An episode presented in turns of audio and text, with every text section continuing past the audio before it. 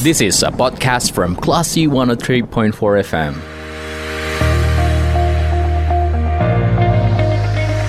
Klasi People, cermati program Parlemen Talk kerjasama Radio Klasi FM dengan DPRD Sumatera Barat sesaat lagi.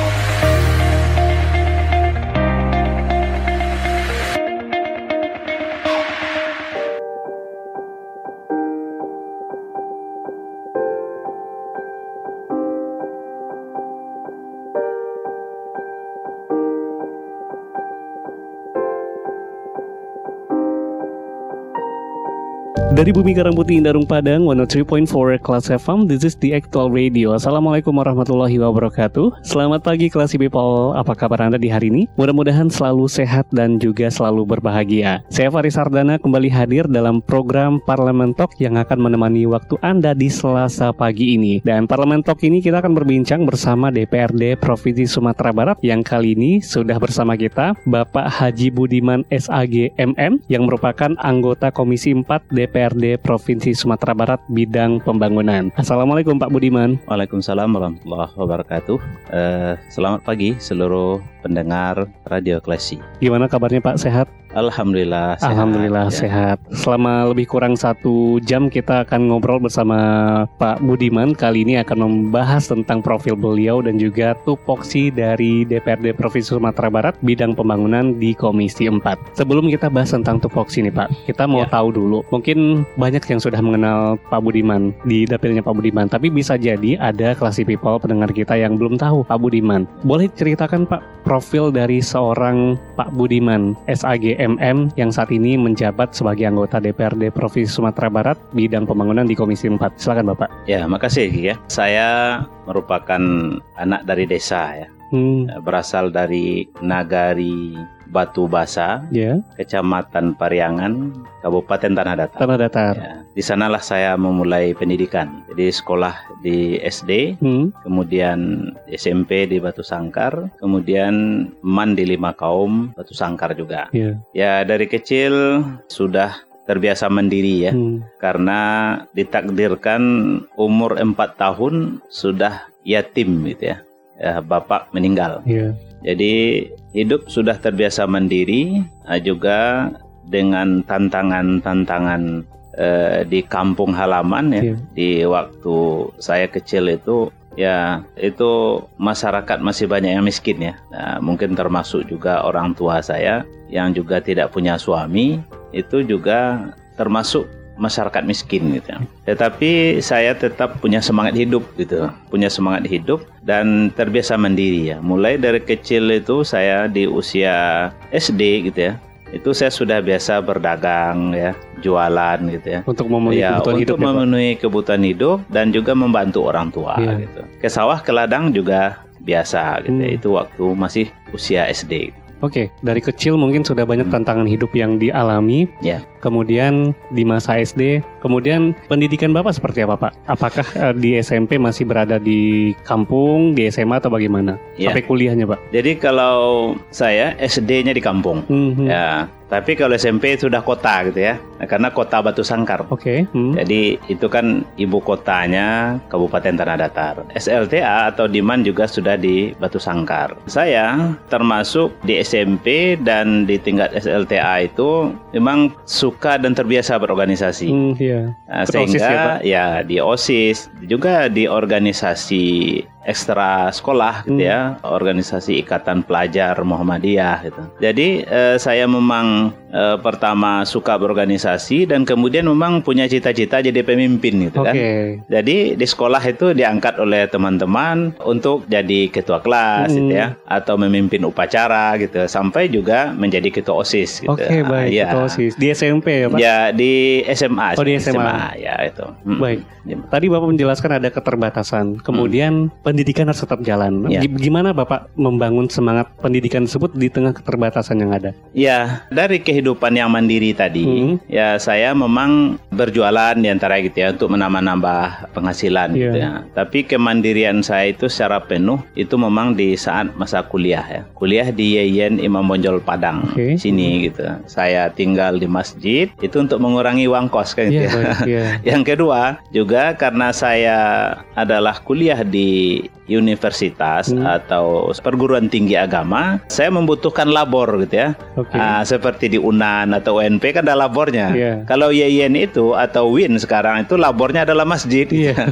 labornya adalah TPA MDA itu. Jadi saya memang untuk menghadapi kekurangan yang ada pada kita ya uh, keterbatasan orang tua orang tua yang tidak mampu gitu saya tinggal di masjid jadi garin, uh, garin masjid hmm. jadi imam masjid juga karena terbiasa jadi pemimpin diangkat juga jadi pengurus masjid okay, jadi rangkap tugasnya hmm. di situ jadi saya juga belajar di situ saya juga uh, bisa menambah penghasilan di situ jadi saya mengajar juga di MDA yeah. hmm. di MDA itu saya diangkat juga jadi wakil kepala MDA yeah kayak gitu yeah. ya. Iya. Kemudian di samping itu saya juga mengajar di rumah orang-orang kaya gitu. Hmm. Jadi ini ini untuk menghidupi yeah. keseharian saya dan juga uh, untuk kebutuhan kuliah. Gitu. Jadi bisa kita katakan dari Garin hmm. menuju gedung DPRD Sumatera Barat. Ah iya benar.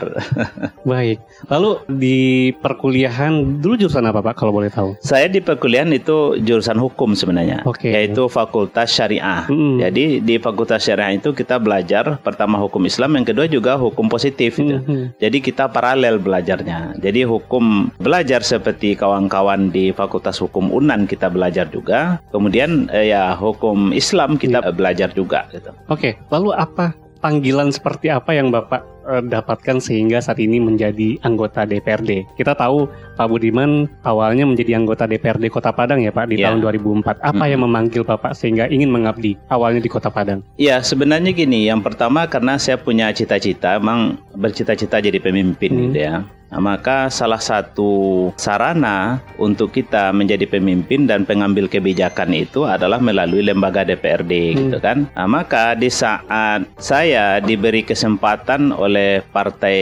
Keadilan Sejahtera untuk menjadi anggota DPRD ya tahun 1999 gitu Masih kan. Masih PK ya. Ya, waktu itu PK hmm. gitu ya. Saya sudah mencalek gitu kan. Saya bersungguh-sungguh, saya berusaha tapi Allah belum takdirkan saya duduk hmm. waktu itu maka saya terus bekerja dan terus aktif ya. Pertama aktif di Partai Keadilan dan juga Partai Keadilan Sejahtera setelah itu. Tapi saya juga punya aktivitas sosial di masyarakat yang sangat banyak. Yeah. Saya organisasi mahasiswa saya ikut, saya di BEM saya ikut hmm. gitu ya. Kemudian uh, organisasi di luar uh, kampus saya juga ikut dan juga uh, termasuk juga persatuan kampung ya, yayasan dan sebagainya. Karena untuk kita bisa eksis ya dan dipilih menjadi anggota DPRD tentu harus banyak jaringan, yeah. banyak koneksi gitu kan. Nah, dan saya sudah memiliki modal itu. Jadi ada modal sosial ya hmm. untuk merintis jalan menuju parlemen itu. Yeah. Nah, maka di tahun 2004 ya, di saat itu pemilu yang kedua setelah reformasi, hmm. ya Allah mentakdirkan saya untuk duduk sebagai anggota DPRD yang pertama di Kota Padang gitu. Oke, ada panggilan DPRD Kota Padang di 2004, ya. 2009, ya. 2014 dan ya. di 2019 Pak Budiman mencalon menjadi anggota DPRD Provinsi Sumatera Barat. Ya. Dan saat ini hmm. menjadi di bidang pembangunan di ya. Komisi 4. Apakah ya. memang sejak awal Bapak sudah berada di Komisi 4 ini atau bagaimana Pak? Saya di awal menjabat di DPRD hmm. Provinsi ini diamanahkan di Komisi 2. Oke. Yaitu di bidang pertanian ya pembangunan dan pertanian gitu. Jadi komisi 2 yang diamanahkan ke saya. Jadi dua setengah tahun saya berada di komisi 2. Oke. Okay. Ya eh, sehingga saya lebih konsen waktu itu di bidang pertanian, ekonomi, ya, ekonomi hmm, pertanian, hmm, ya yeah. perkebunan, peternakan gitu ya itu mitra-mitra saya sana yeah. semua. Hmm. Dan saat ini berada di komisi 4 dan sekarang pembangunan. Di, ya di bidang pembangunan ya. Oke. Okay. Hmm. Boleh diceritakan nggak Pak apa sih tupoksi dari komisi 4 di DPRD Provinsi Sumatera Barat yang perlu diketahui oleh masyarakat? Masyarakat. Ya, ya uh, tupoksi di bidang pembangunan itu artinya kita kan berada di infrastruktur ya. Yeah. Bagaimana percepatan pembangunan di Sumatera Barat, kemudian bagaimana juga infrastruktur kita yang menjadikan kepentingan masyarakat banyak itu memang bisa terwujud ya sebagaimana uh, visi dan misi dari Gubernur Sumatera Barat hmm. gitu. Nah, oleh sebab itu ya kalau kita bicara tugas pokok dan fungsi gitu ya tentu tentu yang pertama kita melakukan penguatan yeah. ya melalui perda-perda ya. Bagaimana pembangunan infrastruktur dan kemudian juga mitra-mitra di Komisi 4 di bidang pembangunan ini bisa menjalankan tugasnya dengan baik. Jadi beberapa perda kita lahirkan uh, untuk melakukan penguatan-penguatan terhadap itu. Nah, yang kedua, tentu kita juga memberikan ya apresiasi dan juga melakukan uh, merencanakan ya pembangunan infrastruktur bersama mitra kerja ya di DPRD ini dengan ya politik anggaran kita gitu ya. Mm-hmm. Artinya bagaimana anggaran infrastruktur yang merupakan urat nadi juga pembangunan ya, urat nadi pembangunan juga itu bisa kita memberikan porsi yang memadai ya kalau dapat memang dilebihkan gitu ya mm. di bidang infrastruktur. Kemudian yang ketiga tentu fungsi uh, tugas pokok kita adalah mengawasi ya. pengawasan ya. terhadap ya pengawasan terhadap perda-perda yang sudah kita sahkan di DPRD, kemudian juga pengawasan terhadap anggaran yang sudah kita sahkan dan sudah tokok palunya di DPRD bagaimana berjalan secara baik ya, bagaimana terlaksana program-program itu dengan benar gitu ya? Dan bagaimana juga dirasakan oleh masyarakat ya? Pembangunan jalan, pembangunan jembatan ataupun kalau kita membangun gedung-gedung yang dibutuhkan sebagai fasilitas umum itu hendaknya memang tepat sasaran dan dirasakan oleh masyarakat dan semua pembangunan itu diharapkan berdampak uh, peningkatan perekonomian dari masyarakat Sumatera Barat gitu. Nah, itu kita lakukan pengawasannya baik secara formal maupun informal gitu ya. Bahkan juga bisa kita lakukan dalam bentuk uh, sidak gitu ya. Yeah. Uh, seksi meng, men, se, uh, ya inspeksi mendadak hmm. uh, ke lapangan gitu. Kita uh, ada proyek yang dilaksanakan oleh pemerintah provinsi, kita langsung lihat ke lapangan apa uh, kendalanya, apa masalahnya, gitu. apakah berjalan secara uh, benar atau tidak gitu. Oke, okay, ya. baik. Kita akan lanjutkan obrolan kita nanti Pak di sesi ya. kedua. Oh, Dan Classy People jangan ke mana-mana, kita akan kembali sesaat lagi. Pastikan ada Keep In Tune di 103,4 Kelas FM. This is the actual radio.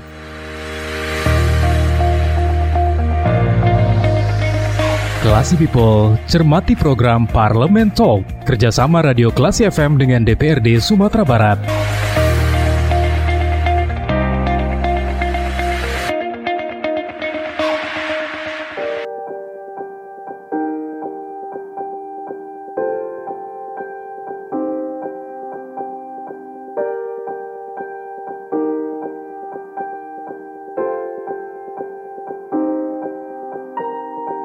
103,4 Kelas FM, this is the actual radio. Kelas People masih dalam program Parlemen Talk bersama DPRD Provinsi Sumatera Barat kali ini masih berbincang bersama anggota Komisi 4 DPRD Provinsi Sumatera Barat bidang pembangunan ada Bapak Haji Budiman SAG MN. Masih ngobrolin soal tupoksi dari Komisi 4 nih Pak. Tadi Bapak sudah menjelaskan bidangnya adalah pembangunan. Mitra kerja yang bekerja sama dengan DPRD Komisi 4 DPRD Provinsi Sumatera Barat pihak-pihak mana saja Pak untuk untuk di bidang pembangunan ini? Ya, jadi bidang pembangunan atau Komisi 4 ya punya mitra kerja beberapa dinas atau hmm. OPD ya. Di antaranya adalah PU ya, kemudian juga BPBD gitu ya, kemudian PUPR gitu ya, kemudian juga lingkungan hidup hmm. gitu ya, kemudian juga eh, dinas perhubungan gitu ya. Nah, jadi OPD OPD inilah yang selalu bersama kita dalam merencanakan ya, kemudian juga melaksanakan eh, target-target uh, dari uh, program-program uh, pemerintah provinsi Sumatera Barat. Gitu. Oke, tadi hmm. ada beberapa OPD misalkan ya. lingkungan hidup dan lain sebagainya. Ya. Berarti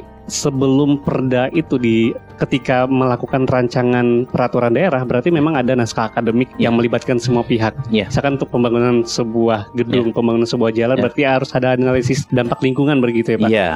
Kenapa itu dibutuhkan ada lingkungan hidup? Iya. Yeah. Begitu. Baik. Lalu yang bersentuhan tadi adalah seperti PUPR, kemudian dan lain sebagainya. Lalu yang jadi pertanyaan saya, Pak, misalkan ini kan ada proyek-proyek daerah itu biasanya kan memang perlu penyusunan perda, yeah. kemudian nanti dijalankan dan nanti kan dadanya dari APBD. Yeah. Tapi kan juga ada proyek-proyek nasional, misalkan yeah. jalan tol dan lain sebagainya. Mm -hmm. Itu biasanya apakah memang DPRD provinsi juga terlibat dalam perumusan uh, aturan-aturannya atau bagaimana? Kalau terkait dengan proyek nasional ya, hmm. ya, itu biasanya koordinasinya langsung dengan pemerintah provinsi ya anggarannya juga langsung dari pemerintah pusat hmm. ya koordinasi ini pemerintah provinsi. Sedangkan kita di DPRD itu melakukan pengawasan saja terkait pelaksanaan aturan proyek-proyek itu. Kemudian terkait dengan kepentingan masyarakat yang mungkin e, bersentuhan secara langsung atau tidak langsung dengan proyek itu. Nah, karena kita DPRD sebagai wakil rakyat, e, apa pun yang terjadi e,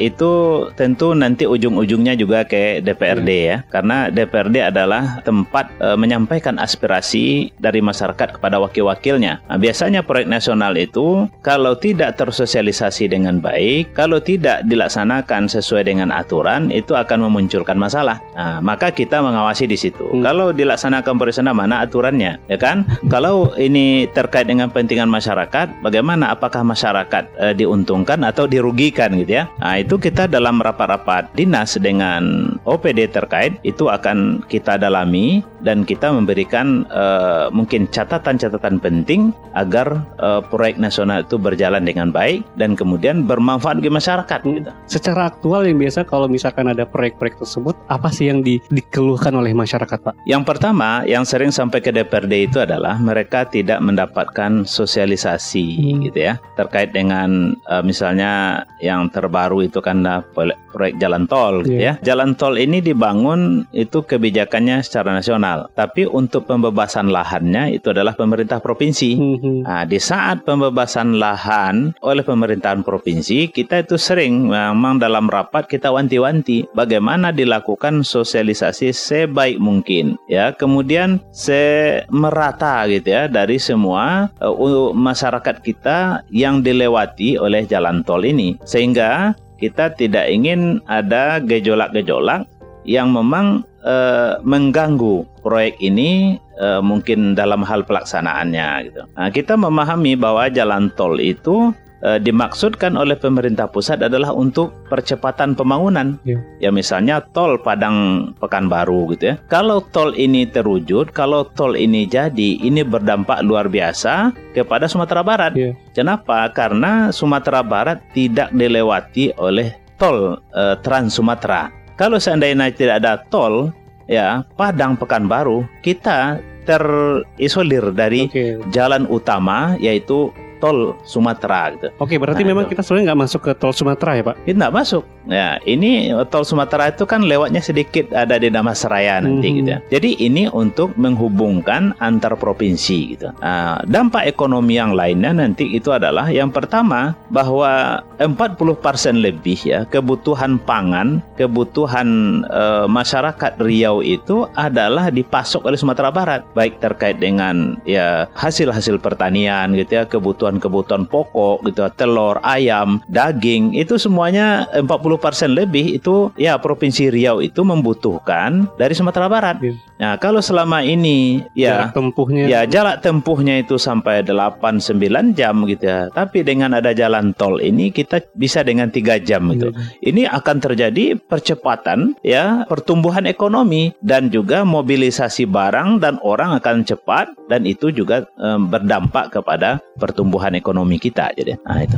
Oke, beberapa waktu lalu Presiden ya. kan sempat nyindir Sumatera Barat nih Pak. Ya. Kenapa hmm. nih tolnya nggak selesai juga di sektor ya. Pekanbaru kan bisa dikatakan hampir rampung. Iya di Sumatera Barat saat ini juga masih belum selesai. Hmm. Apa yang Bapak lihat kendala yang dialami oleh pemerintah provinsi untuk melakukan percepatan pembangunan tol tersebut? Ya, ya salah satunya yang sampai ke kita adalah memang masyarakat mengatakan mereka tidak mendapatkan uh, informasi secara utuh. Ya, mereka tidak mendapatkan sosialisasi secara lengkap gitu ya. Sehingga di saat informasi atau sosialisasi itu tidak berjalan dengan baik, masuklah isu-isu ya kan, isu-isu miring ya dan sebagainya akan menyebabkan ini, akan menyebabkan itu gitu ya. Yang sebenarnya itu tidak tidak ada tidak gitu ya. Relevan juga ya, ah, Sehingga ada juga pihak-pihak tertentu yang memanfaatkan isu ini oh, iya, gitu iya. ya. Nah, ini eh, sebenarnya sudah terbaca oleh pemerintahan Provinsi Sumatera Barat dan sampai sekarang ya setelah itu eh, diatasi semua ya eh, inti, intinya untuk proyek proyek jalan tol ini insya Allah akan berjalan dengan baik. Oke, okay, isu ganti rugi apakah jadi masalah juga untuk masyarakat Pak? Ya sekarang uh, tidak ada masalah lagi ya. Makan sekarang itu hitungannya ganti untung sebenarnya ya,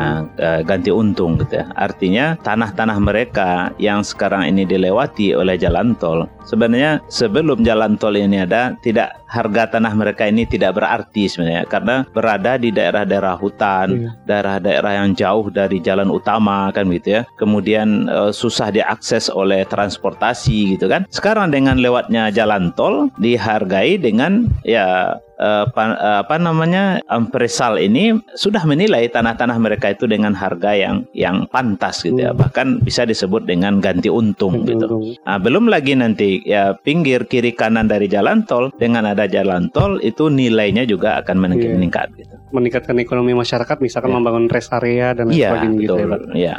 Lalu pemerintah kan punya target Ya. Pembangunan tol ini selesai 2024. Ya. Saat ini berarti kendala sudah bisa teratasi semua atau ya. bagaimana, Pak? Iya, kalau kenakanlah prinsip sebenarnya tidak ada lagi ya. Kalau dulu awal-awal kan sempat ya demo masyarakat ya. 50 kota datang ke DPRD gitu ya. Itu menunjukkan sudah ada yang tersendat dan tersumbat di sana ya. gitu. Sehingga sampai ke sini. Nah, sekarang jalan tol kan uh, sedang berjalan, pembangunannya sedang berjalan ya. Tidak ada uh, pengaduan dari masyarakat kita yang sekarang ini sedang berjalan itu tidak ada yang sampai ke DPRD. Artinya kita di DPRD uh, melihat tidak ada persoalan-persoalan yang sangat prinsip itu. Oke, berarti masih bisa diatasi insya Allah 2024 kita ya, sudah bisa ya. lebih dekat ke Pekanbaru ya Pak. Ya. lalu juga ada isu sensitif yang beberapa ya. waktu terjadi Pak. Ada ya. proyek strategis nasional ya. di Air Bangis. Ya. Dan juga ada isu-isu tambahan di Rempang yang juga berkaitan dengan proyek ya. strategis ya. nasional. Dari DPRD ya. sendiri, dari kacamata DPRD memandang kasus yang terjadi di Air Bangis seperti apa Pak? Ya, saya mengikuti juga hmm. ya persoalan uh, isu PSM ya di PSN Air Bangis ini ya uh, proyek strategis nasional hmm. Air Bangis ya. Itu kembali sebenarnya kesalahpahaman antara ya artinya pemegang ya perusahaan pemegang rencana proyek ini atau ya tokoh-tokoh masyarakat di situ dengan masyarakat uh, yang ada di Air Bangis hmm. gitu ya. Sebenarnya uh, proyek ini baru rencana gitu ya. Hmm. Baru sifatnya usulan gitu. Yang mana uh, Gubernur Sumatera Barat dalam beberapa kali kunjungan ke daerah itu tokoh-tokohnya memberikan support, hmm, iya. memberikan dukungan gitu ya. Bahkan juga sudah dilakukan rapat-rapat itu. Nah, karena proyek ini akan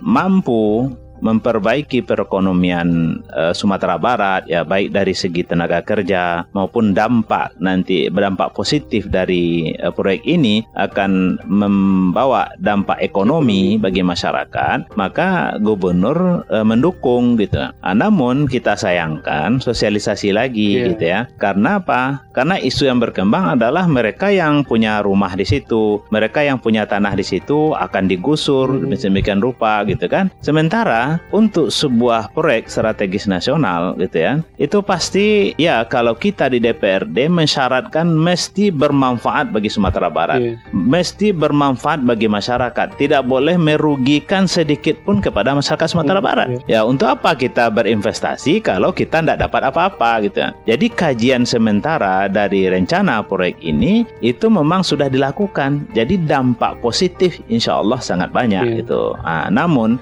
kembali lagi sosialisasi yang tidak maksimal ya kemudian ditunggangi oleh pihak-pihak yang punya kepentingan sesaat saat sekarang ini. Ya saya dapat ada toke lah yang bermain gitu ya. Ada orang-orang pedagang yang memang e, mereka ada kebun di sana yang selama ini mereka mendapatkan keuntungan dengan ya secara pribadi e, cukup besar gitu kan. Nah, tapi dengan dengan ada proyek ini mungkin mereka merasa terganggu gitu. Tapi masyarakat yang punya tanah masyarakat yang punya punya kebun itu mesti ganti untung. Nah, hmm. kalau kita akan awasi di DPRD gitu ya, kita akan awasi di DPRD itu kan secara detail akan kita awasi. Kita butuh investasi, tapi investasi yang memang menguntungkan bagi masyarakat ya, hmm. membawa dampak positif bagi perekonomian Sumatera Barat. Karena kita kalau tidak ada investasi, kita mungkin juga akan biasa-biasa saja, akan banyak pengangguran ya di Sumatera Barat ini. Kenapa? Ribuan setiap tahun Unan melahirkan sarjana sarjana, ribuan setiap tahun UNP melahirkan sarjana, ribuan setiap tahun itu ya uh, UIN dan beberapa perguruan tinggi swasta lainnya di Sumatera Barat ini melahirkan para sarjana. Nah, di mana mereka bekerja kalau lapangan pekerjaan tidak kita buka? Mereka harus kembali ke daerahnya masing-masing dengan ya, lapangan pekerjaan tersedia. Iya, itu. Oke, nah, berarti hmm. emang perlu kerja ekstra dari pemerintah Provinsi Sumatera Barat untuk memahamkan dan menyosialisasikan ya. masalah ini agar nantinya tidak salah paham tidak salah paham. Ya. Oke, berarti memang sudah terlihat gambaran seperti apa yang terjadi ya. dan mudah-mudahan nanti juga bisa memberikan dampak positif seperti yang Bapak bilang tadi, ya. dampak positifnya untuk Sumatera Barat. Ya. Baik, kita lanjutkan lagi Pak obrolan kita di sesi ketiga nanti. Classy People jangan ke mana-mana, kita akan kembali sesaat lagi.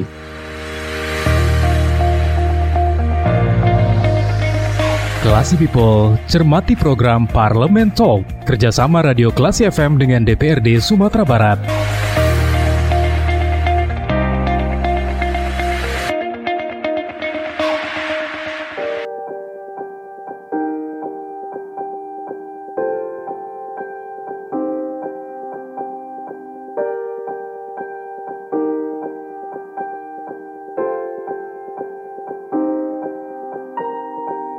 103,4 Kelas FM, this is the Actual Radio. Kelas People masih dalam Parlemen Talk bersama Bapak Haji Budiman SAG MM yang merupakan anggota Komisi 4 DPRD Provinsi Sumatera Barat bidang pembangunan. Tadi di sesi kedua kita membahas beberapa uh, proyek pembangunan di Sumbar yang sedang berjalan dan mudah-mudahan nanti juga berjalan lancar dan meningkatkan uh, perekonomian di Sumatera Barat. Hmm. Kita akan melihat Sumatera Barat itu ada 19 kabupaten dan kota ya Pak. Yeah. Uh, kalau menurut pandangan dari DPRD Sumbar, bagaimana sih Pak pemerataan pembangunan yang ada di Sumatera Barat saat ini? Kita ada Mentawai, ada pesisir selatan, Darmasraya dan sebagainya. Ya, kita melihat ya pembangunan secara umum di Sumatera Barat berjalan dengan baik ya, hmm. berjalan dengan lancar gitu ya.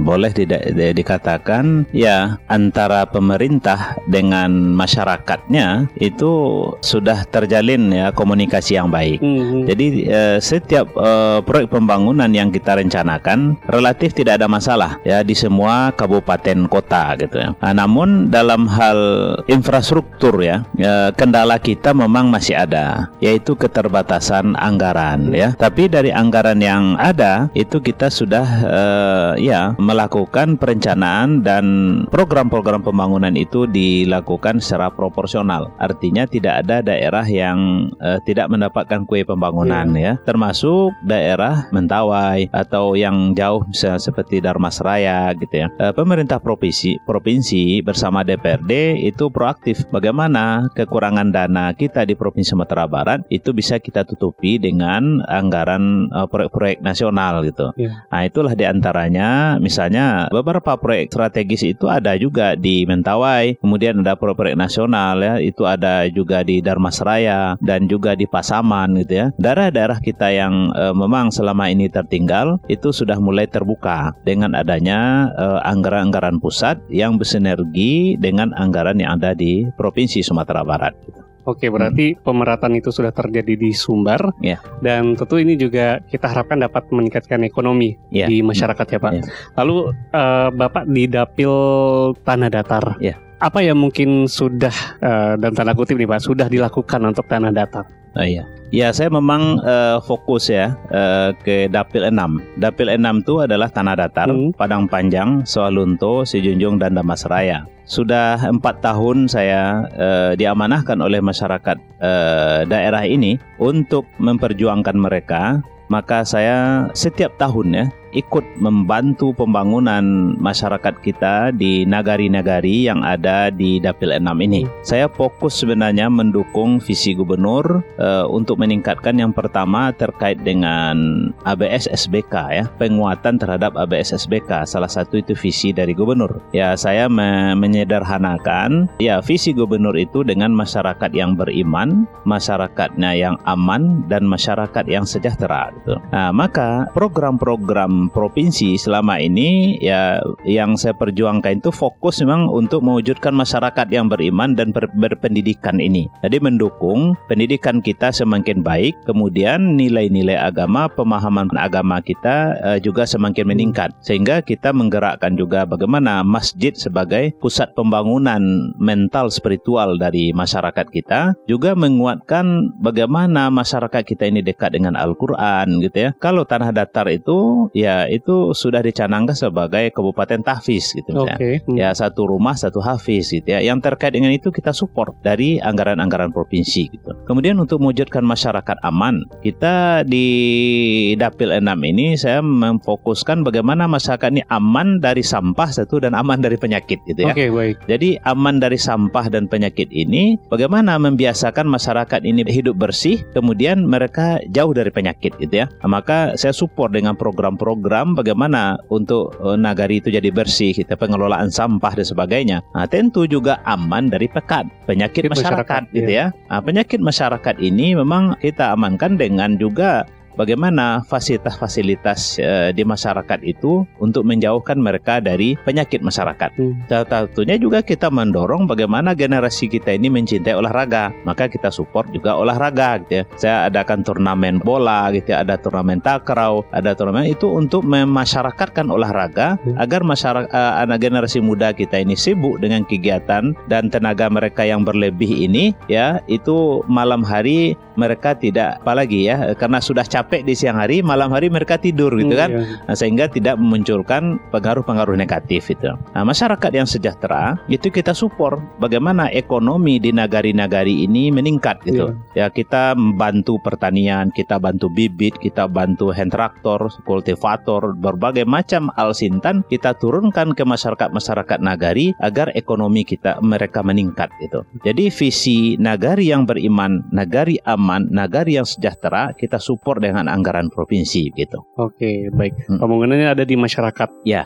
Tidak hanya pembangunan secara fisik, tapi secara mental, spiritual mental, juga spiritual. dibangun gitu, Pak. Pak, saya jadi kepikiran, hmm. Pak. Tadi kita sudah membahas tentang pembangunan yang ada di Sumatera Barat, ya. di berbagai kabupaten dan kota. Yang selalu menjadi isu adalah tanah wilayah di Sumbar. Ya. Bagaimana sih dari DPRD dan juga Pemprov Sumbar agar permasalahan-permasalahan tanah ulayat ini juga tidak menjadi isu yang tetap menghargai tanah ulayat, tapi tetap tetap juga bisa mendukung proyek-proyek di Sumatera Barat. Kabarnya juga sedang dirancang ranperda tanah ulayat ya Pak? Ya, ya benar demikian ya. Pertama kita memang e, menginginkan uh, semua tanah ulayat yang ada di Sumatera Barat ini menjadi tanah yang produktif gitu. Hmm. Jangan menjadi tanah yang menganggur, diam atau tanah yang diam tidak dikelola, tidak menghasilkan ekonomi bagi masyarakat kita atau tidak me menjadi uh, perbaikan bagi perekonomian kaum-kaum uh, suku-suku kita di di Minangkabau ini. Jadi jangan sampai misalnya tanah ulayatnya luas tapi anak kemanakannya miskin gitu. Yeah.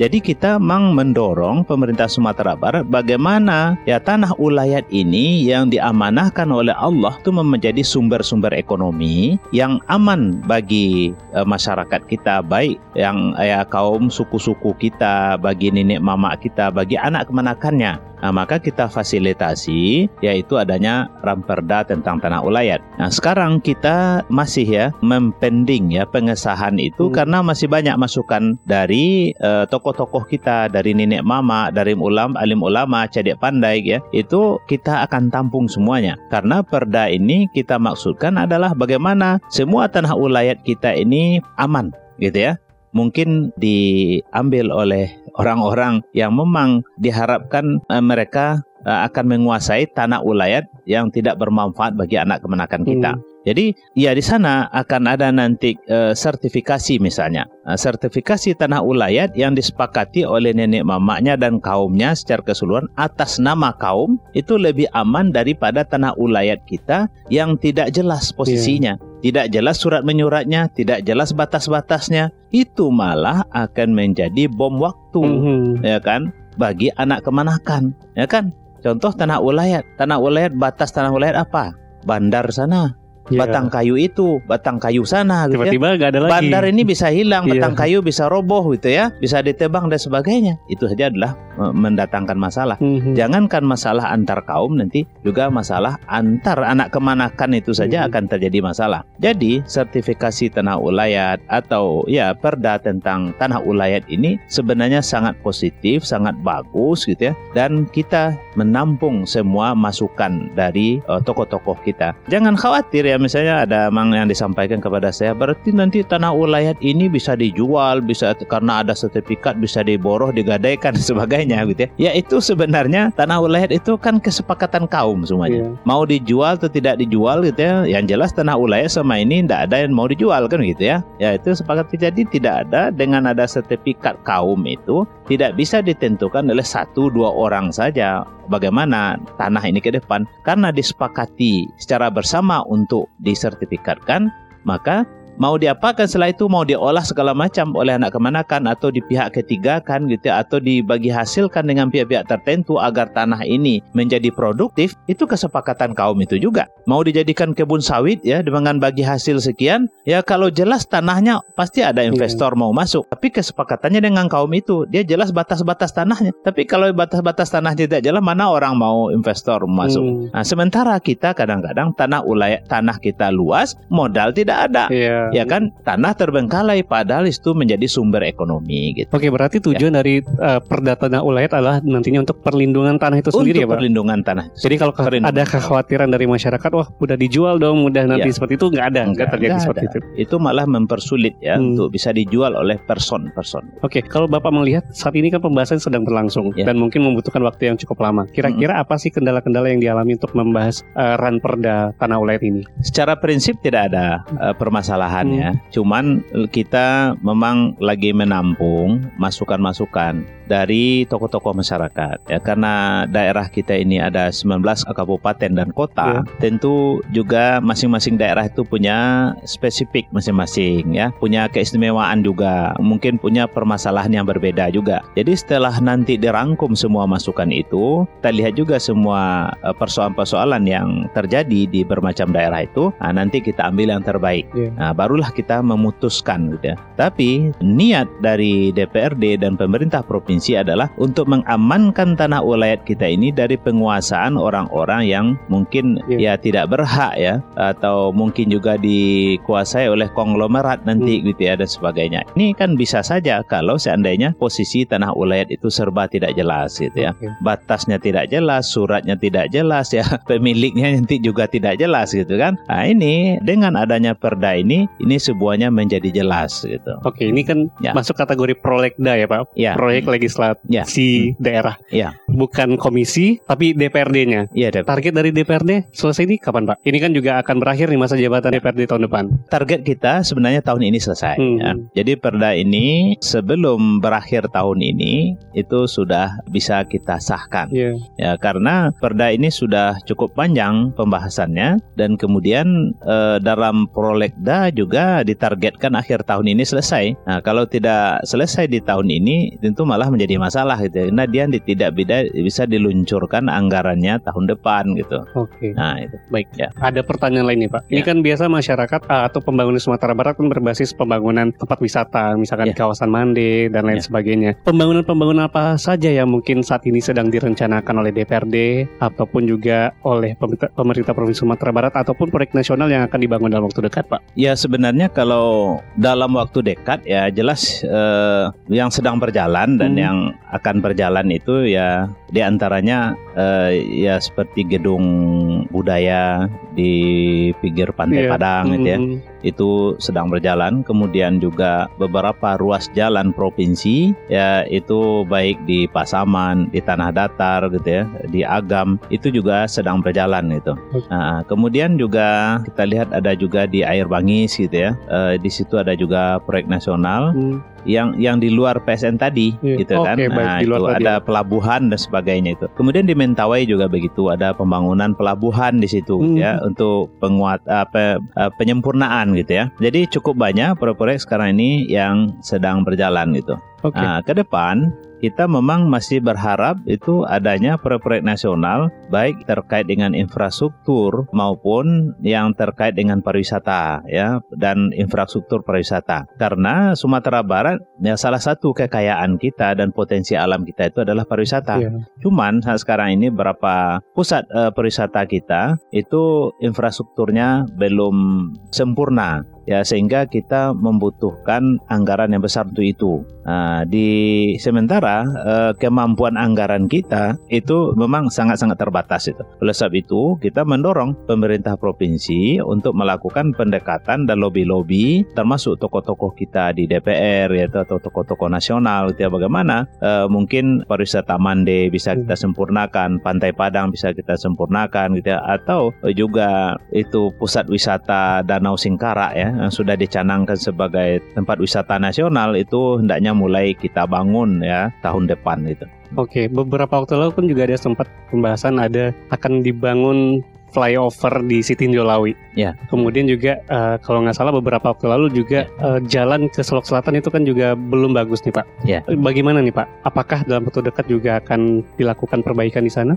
Ya, kalau jalan ya itu terus dilakukan hmm. perbaikan ya. Itu kita itu yang paling rutin ya. ya pengawasan lakukan, dilakukan ya. terus ya Pak. Ya, hmm. rutin pengawasan kita rapat dengan OPD ya terutama PU ya yang menangani jalan ini. Ya. Itu yang paling rutin karena itu yang paling banyak juga masuk masukan ke hmm. kita gitu ya. Namun sebagian jalan kita ini ada yang memang sudah perlu penanganan agak serius. Artinya dengan anggaran yang memang agak besar hmm. ya. Nah, ini terpaksa kita lakukan secara bertahap. Tapi ada juga yang memang cukup ditambal saja ya. Artinya penambalan atau pemeliharaan, ya, itu ya. tetap dilakukan untuk jalan-jalan provinsi gitu. Nah, terkait dengan flyover sebenarnya itu sudah ada komitmen dengan pemerintah pusat itu hanya uh, menunggu menunggu waktu Tunggu untuk waktu. dimulai gitu ya. Tapi semuanya perencanaannya sudah gitu ya. Syarat-syarat untuk pembangunan flyover uh, Setinjau Lawi itu semuanya sudah disiapkan. Ya tinggal anggarannya, anggarannya. dari pusat itu. Kita berharap paling lambat ya tahun depan ini sudah dimulai, dimulai. itu harapan kita. Baik, cukup banyak yang kita bahas Pak ya. tentang pembangunan Sumatera Barat dan tentunya kita berharap agar nantinya pembangunan ini bisa berjalan dengan lancar ya. dan dampak paling besarnya terhadap ekonomi Sumatera Barat dan masyarakat itu bisa benar-benar kita rasakan. Sebagai closing statement Pak ya. dari obrolan kita pada hari ini silakan Pak Budiman. Ya, eh, kita eh, tentu berharap ya pertama kepada pemerintah Provinsi Sumatera Barat bagaimana rencana pembangunan jangka menengah ya, rencana pembangunan jangka panjang ini secara disiplin kita laksanakan gitu ya. Jangan sampai keluar dari rencana yang sudah kita sepakati. Artinya pemerintah provinsi bersama DPRD hendaknya tetap komitmen dengan rancangan pembangunan jangka menengah yang sudah sepakati dan rancangan pembangunan jangka panjang yang sudah uh, kita sepakati agar uh, pembangunan ini nampak arahnya jelas arahnya dan dirasakan oleh masyarakat manfaatnya. Kemudian yang kedua, kita memang membutuhkan juga dukungan dari masyarakat ya. Setiap pembangunan kita berharap bagaimana masyarakat mendukung, memberikan juga masukan-masukannya gitu ya. Karena pembangunan ini tidak lain kecuali hanya untuk kepentingan masyarakat ya. itu sendiri. Ya kadang-kadang uh, mungkin tidak kita lihat saat sekarang ini manfaatnya, tapi dia bermanfaat bagi generasi dan anak cucu kita ya. ke depan. Jadi masyarakat kita harap juga jangan berpikir jangka pendek ya, saja betul. gitu ya. Karena masyarakat kadang-kadang berpikir instan apa yang saya dapatkan sekarang gitu ya. Tapi kita juga berpikir bagaimana generasi generasi kita masa depan. Yang sekarang dia sedang kuliah, yang sekarang dia masih di SMU, yang sekarang dia masih di SMP atau di SD. Mana lapangan pekerjaan untuk mereka? Ya, mana fasilitas-fasilitas yang memudahkan kehidupan mereka ke depan? Tentu menjadi pikiran kita sekarang. Baik, terima kasih Pak Budiman sudah ya, berbincang ya, bersama Kelas FM. Mudah-mudahan kerja-kerja dari DPR Sumatera Barat nantinya juga bisa diketahui oleh masyarakat dan nantinya dampak secara ekonomi, dampak secara sosial dan dampak-dampak positif lainnya juga sama-sama bisa kita rasakan. Dan terima kasih juga untuk Anda Classy People sudah mencermati obrolan kita dalam Parlemen Talk untuk hari ini bersama DPRD Provinsi Sumatera Barat. Ada Bapak Haji Budiman SAGMM yang merupakan anggota Komisi 4 DPRD Provinsi Sumatera Barat bidang pembangunan. Akhirnya kita berdua pamit. Terima kasih. Wassalamualaikum warahmatullahi wabarakatuh. And then see you. Classy People, terima kasih telah mencermati Parlemen Talk kerjasama Radio Classy FM dengan DPRD Sumatera Barat.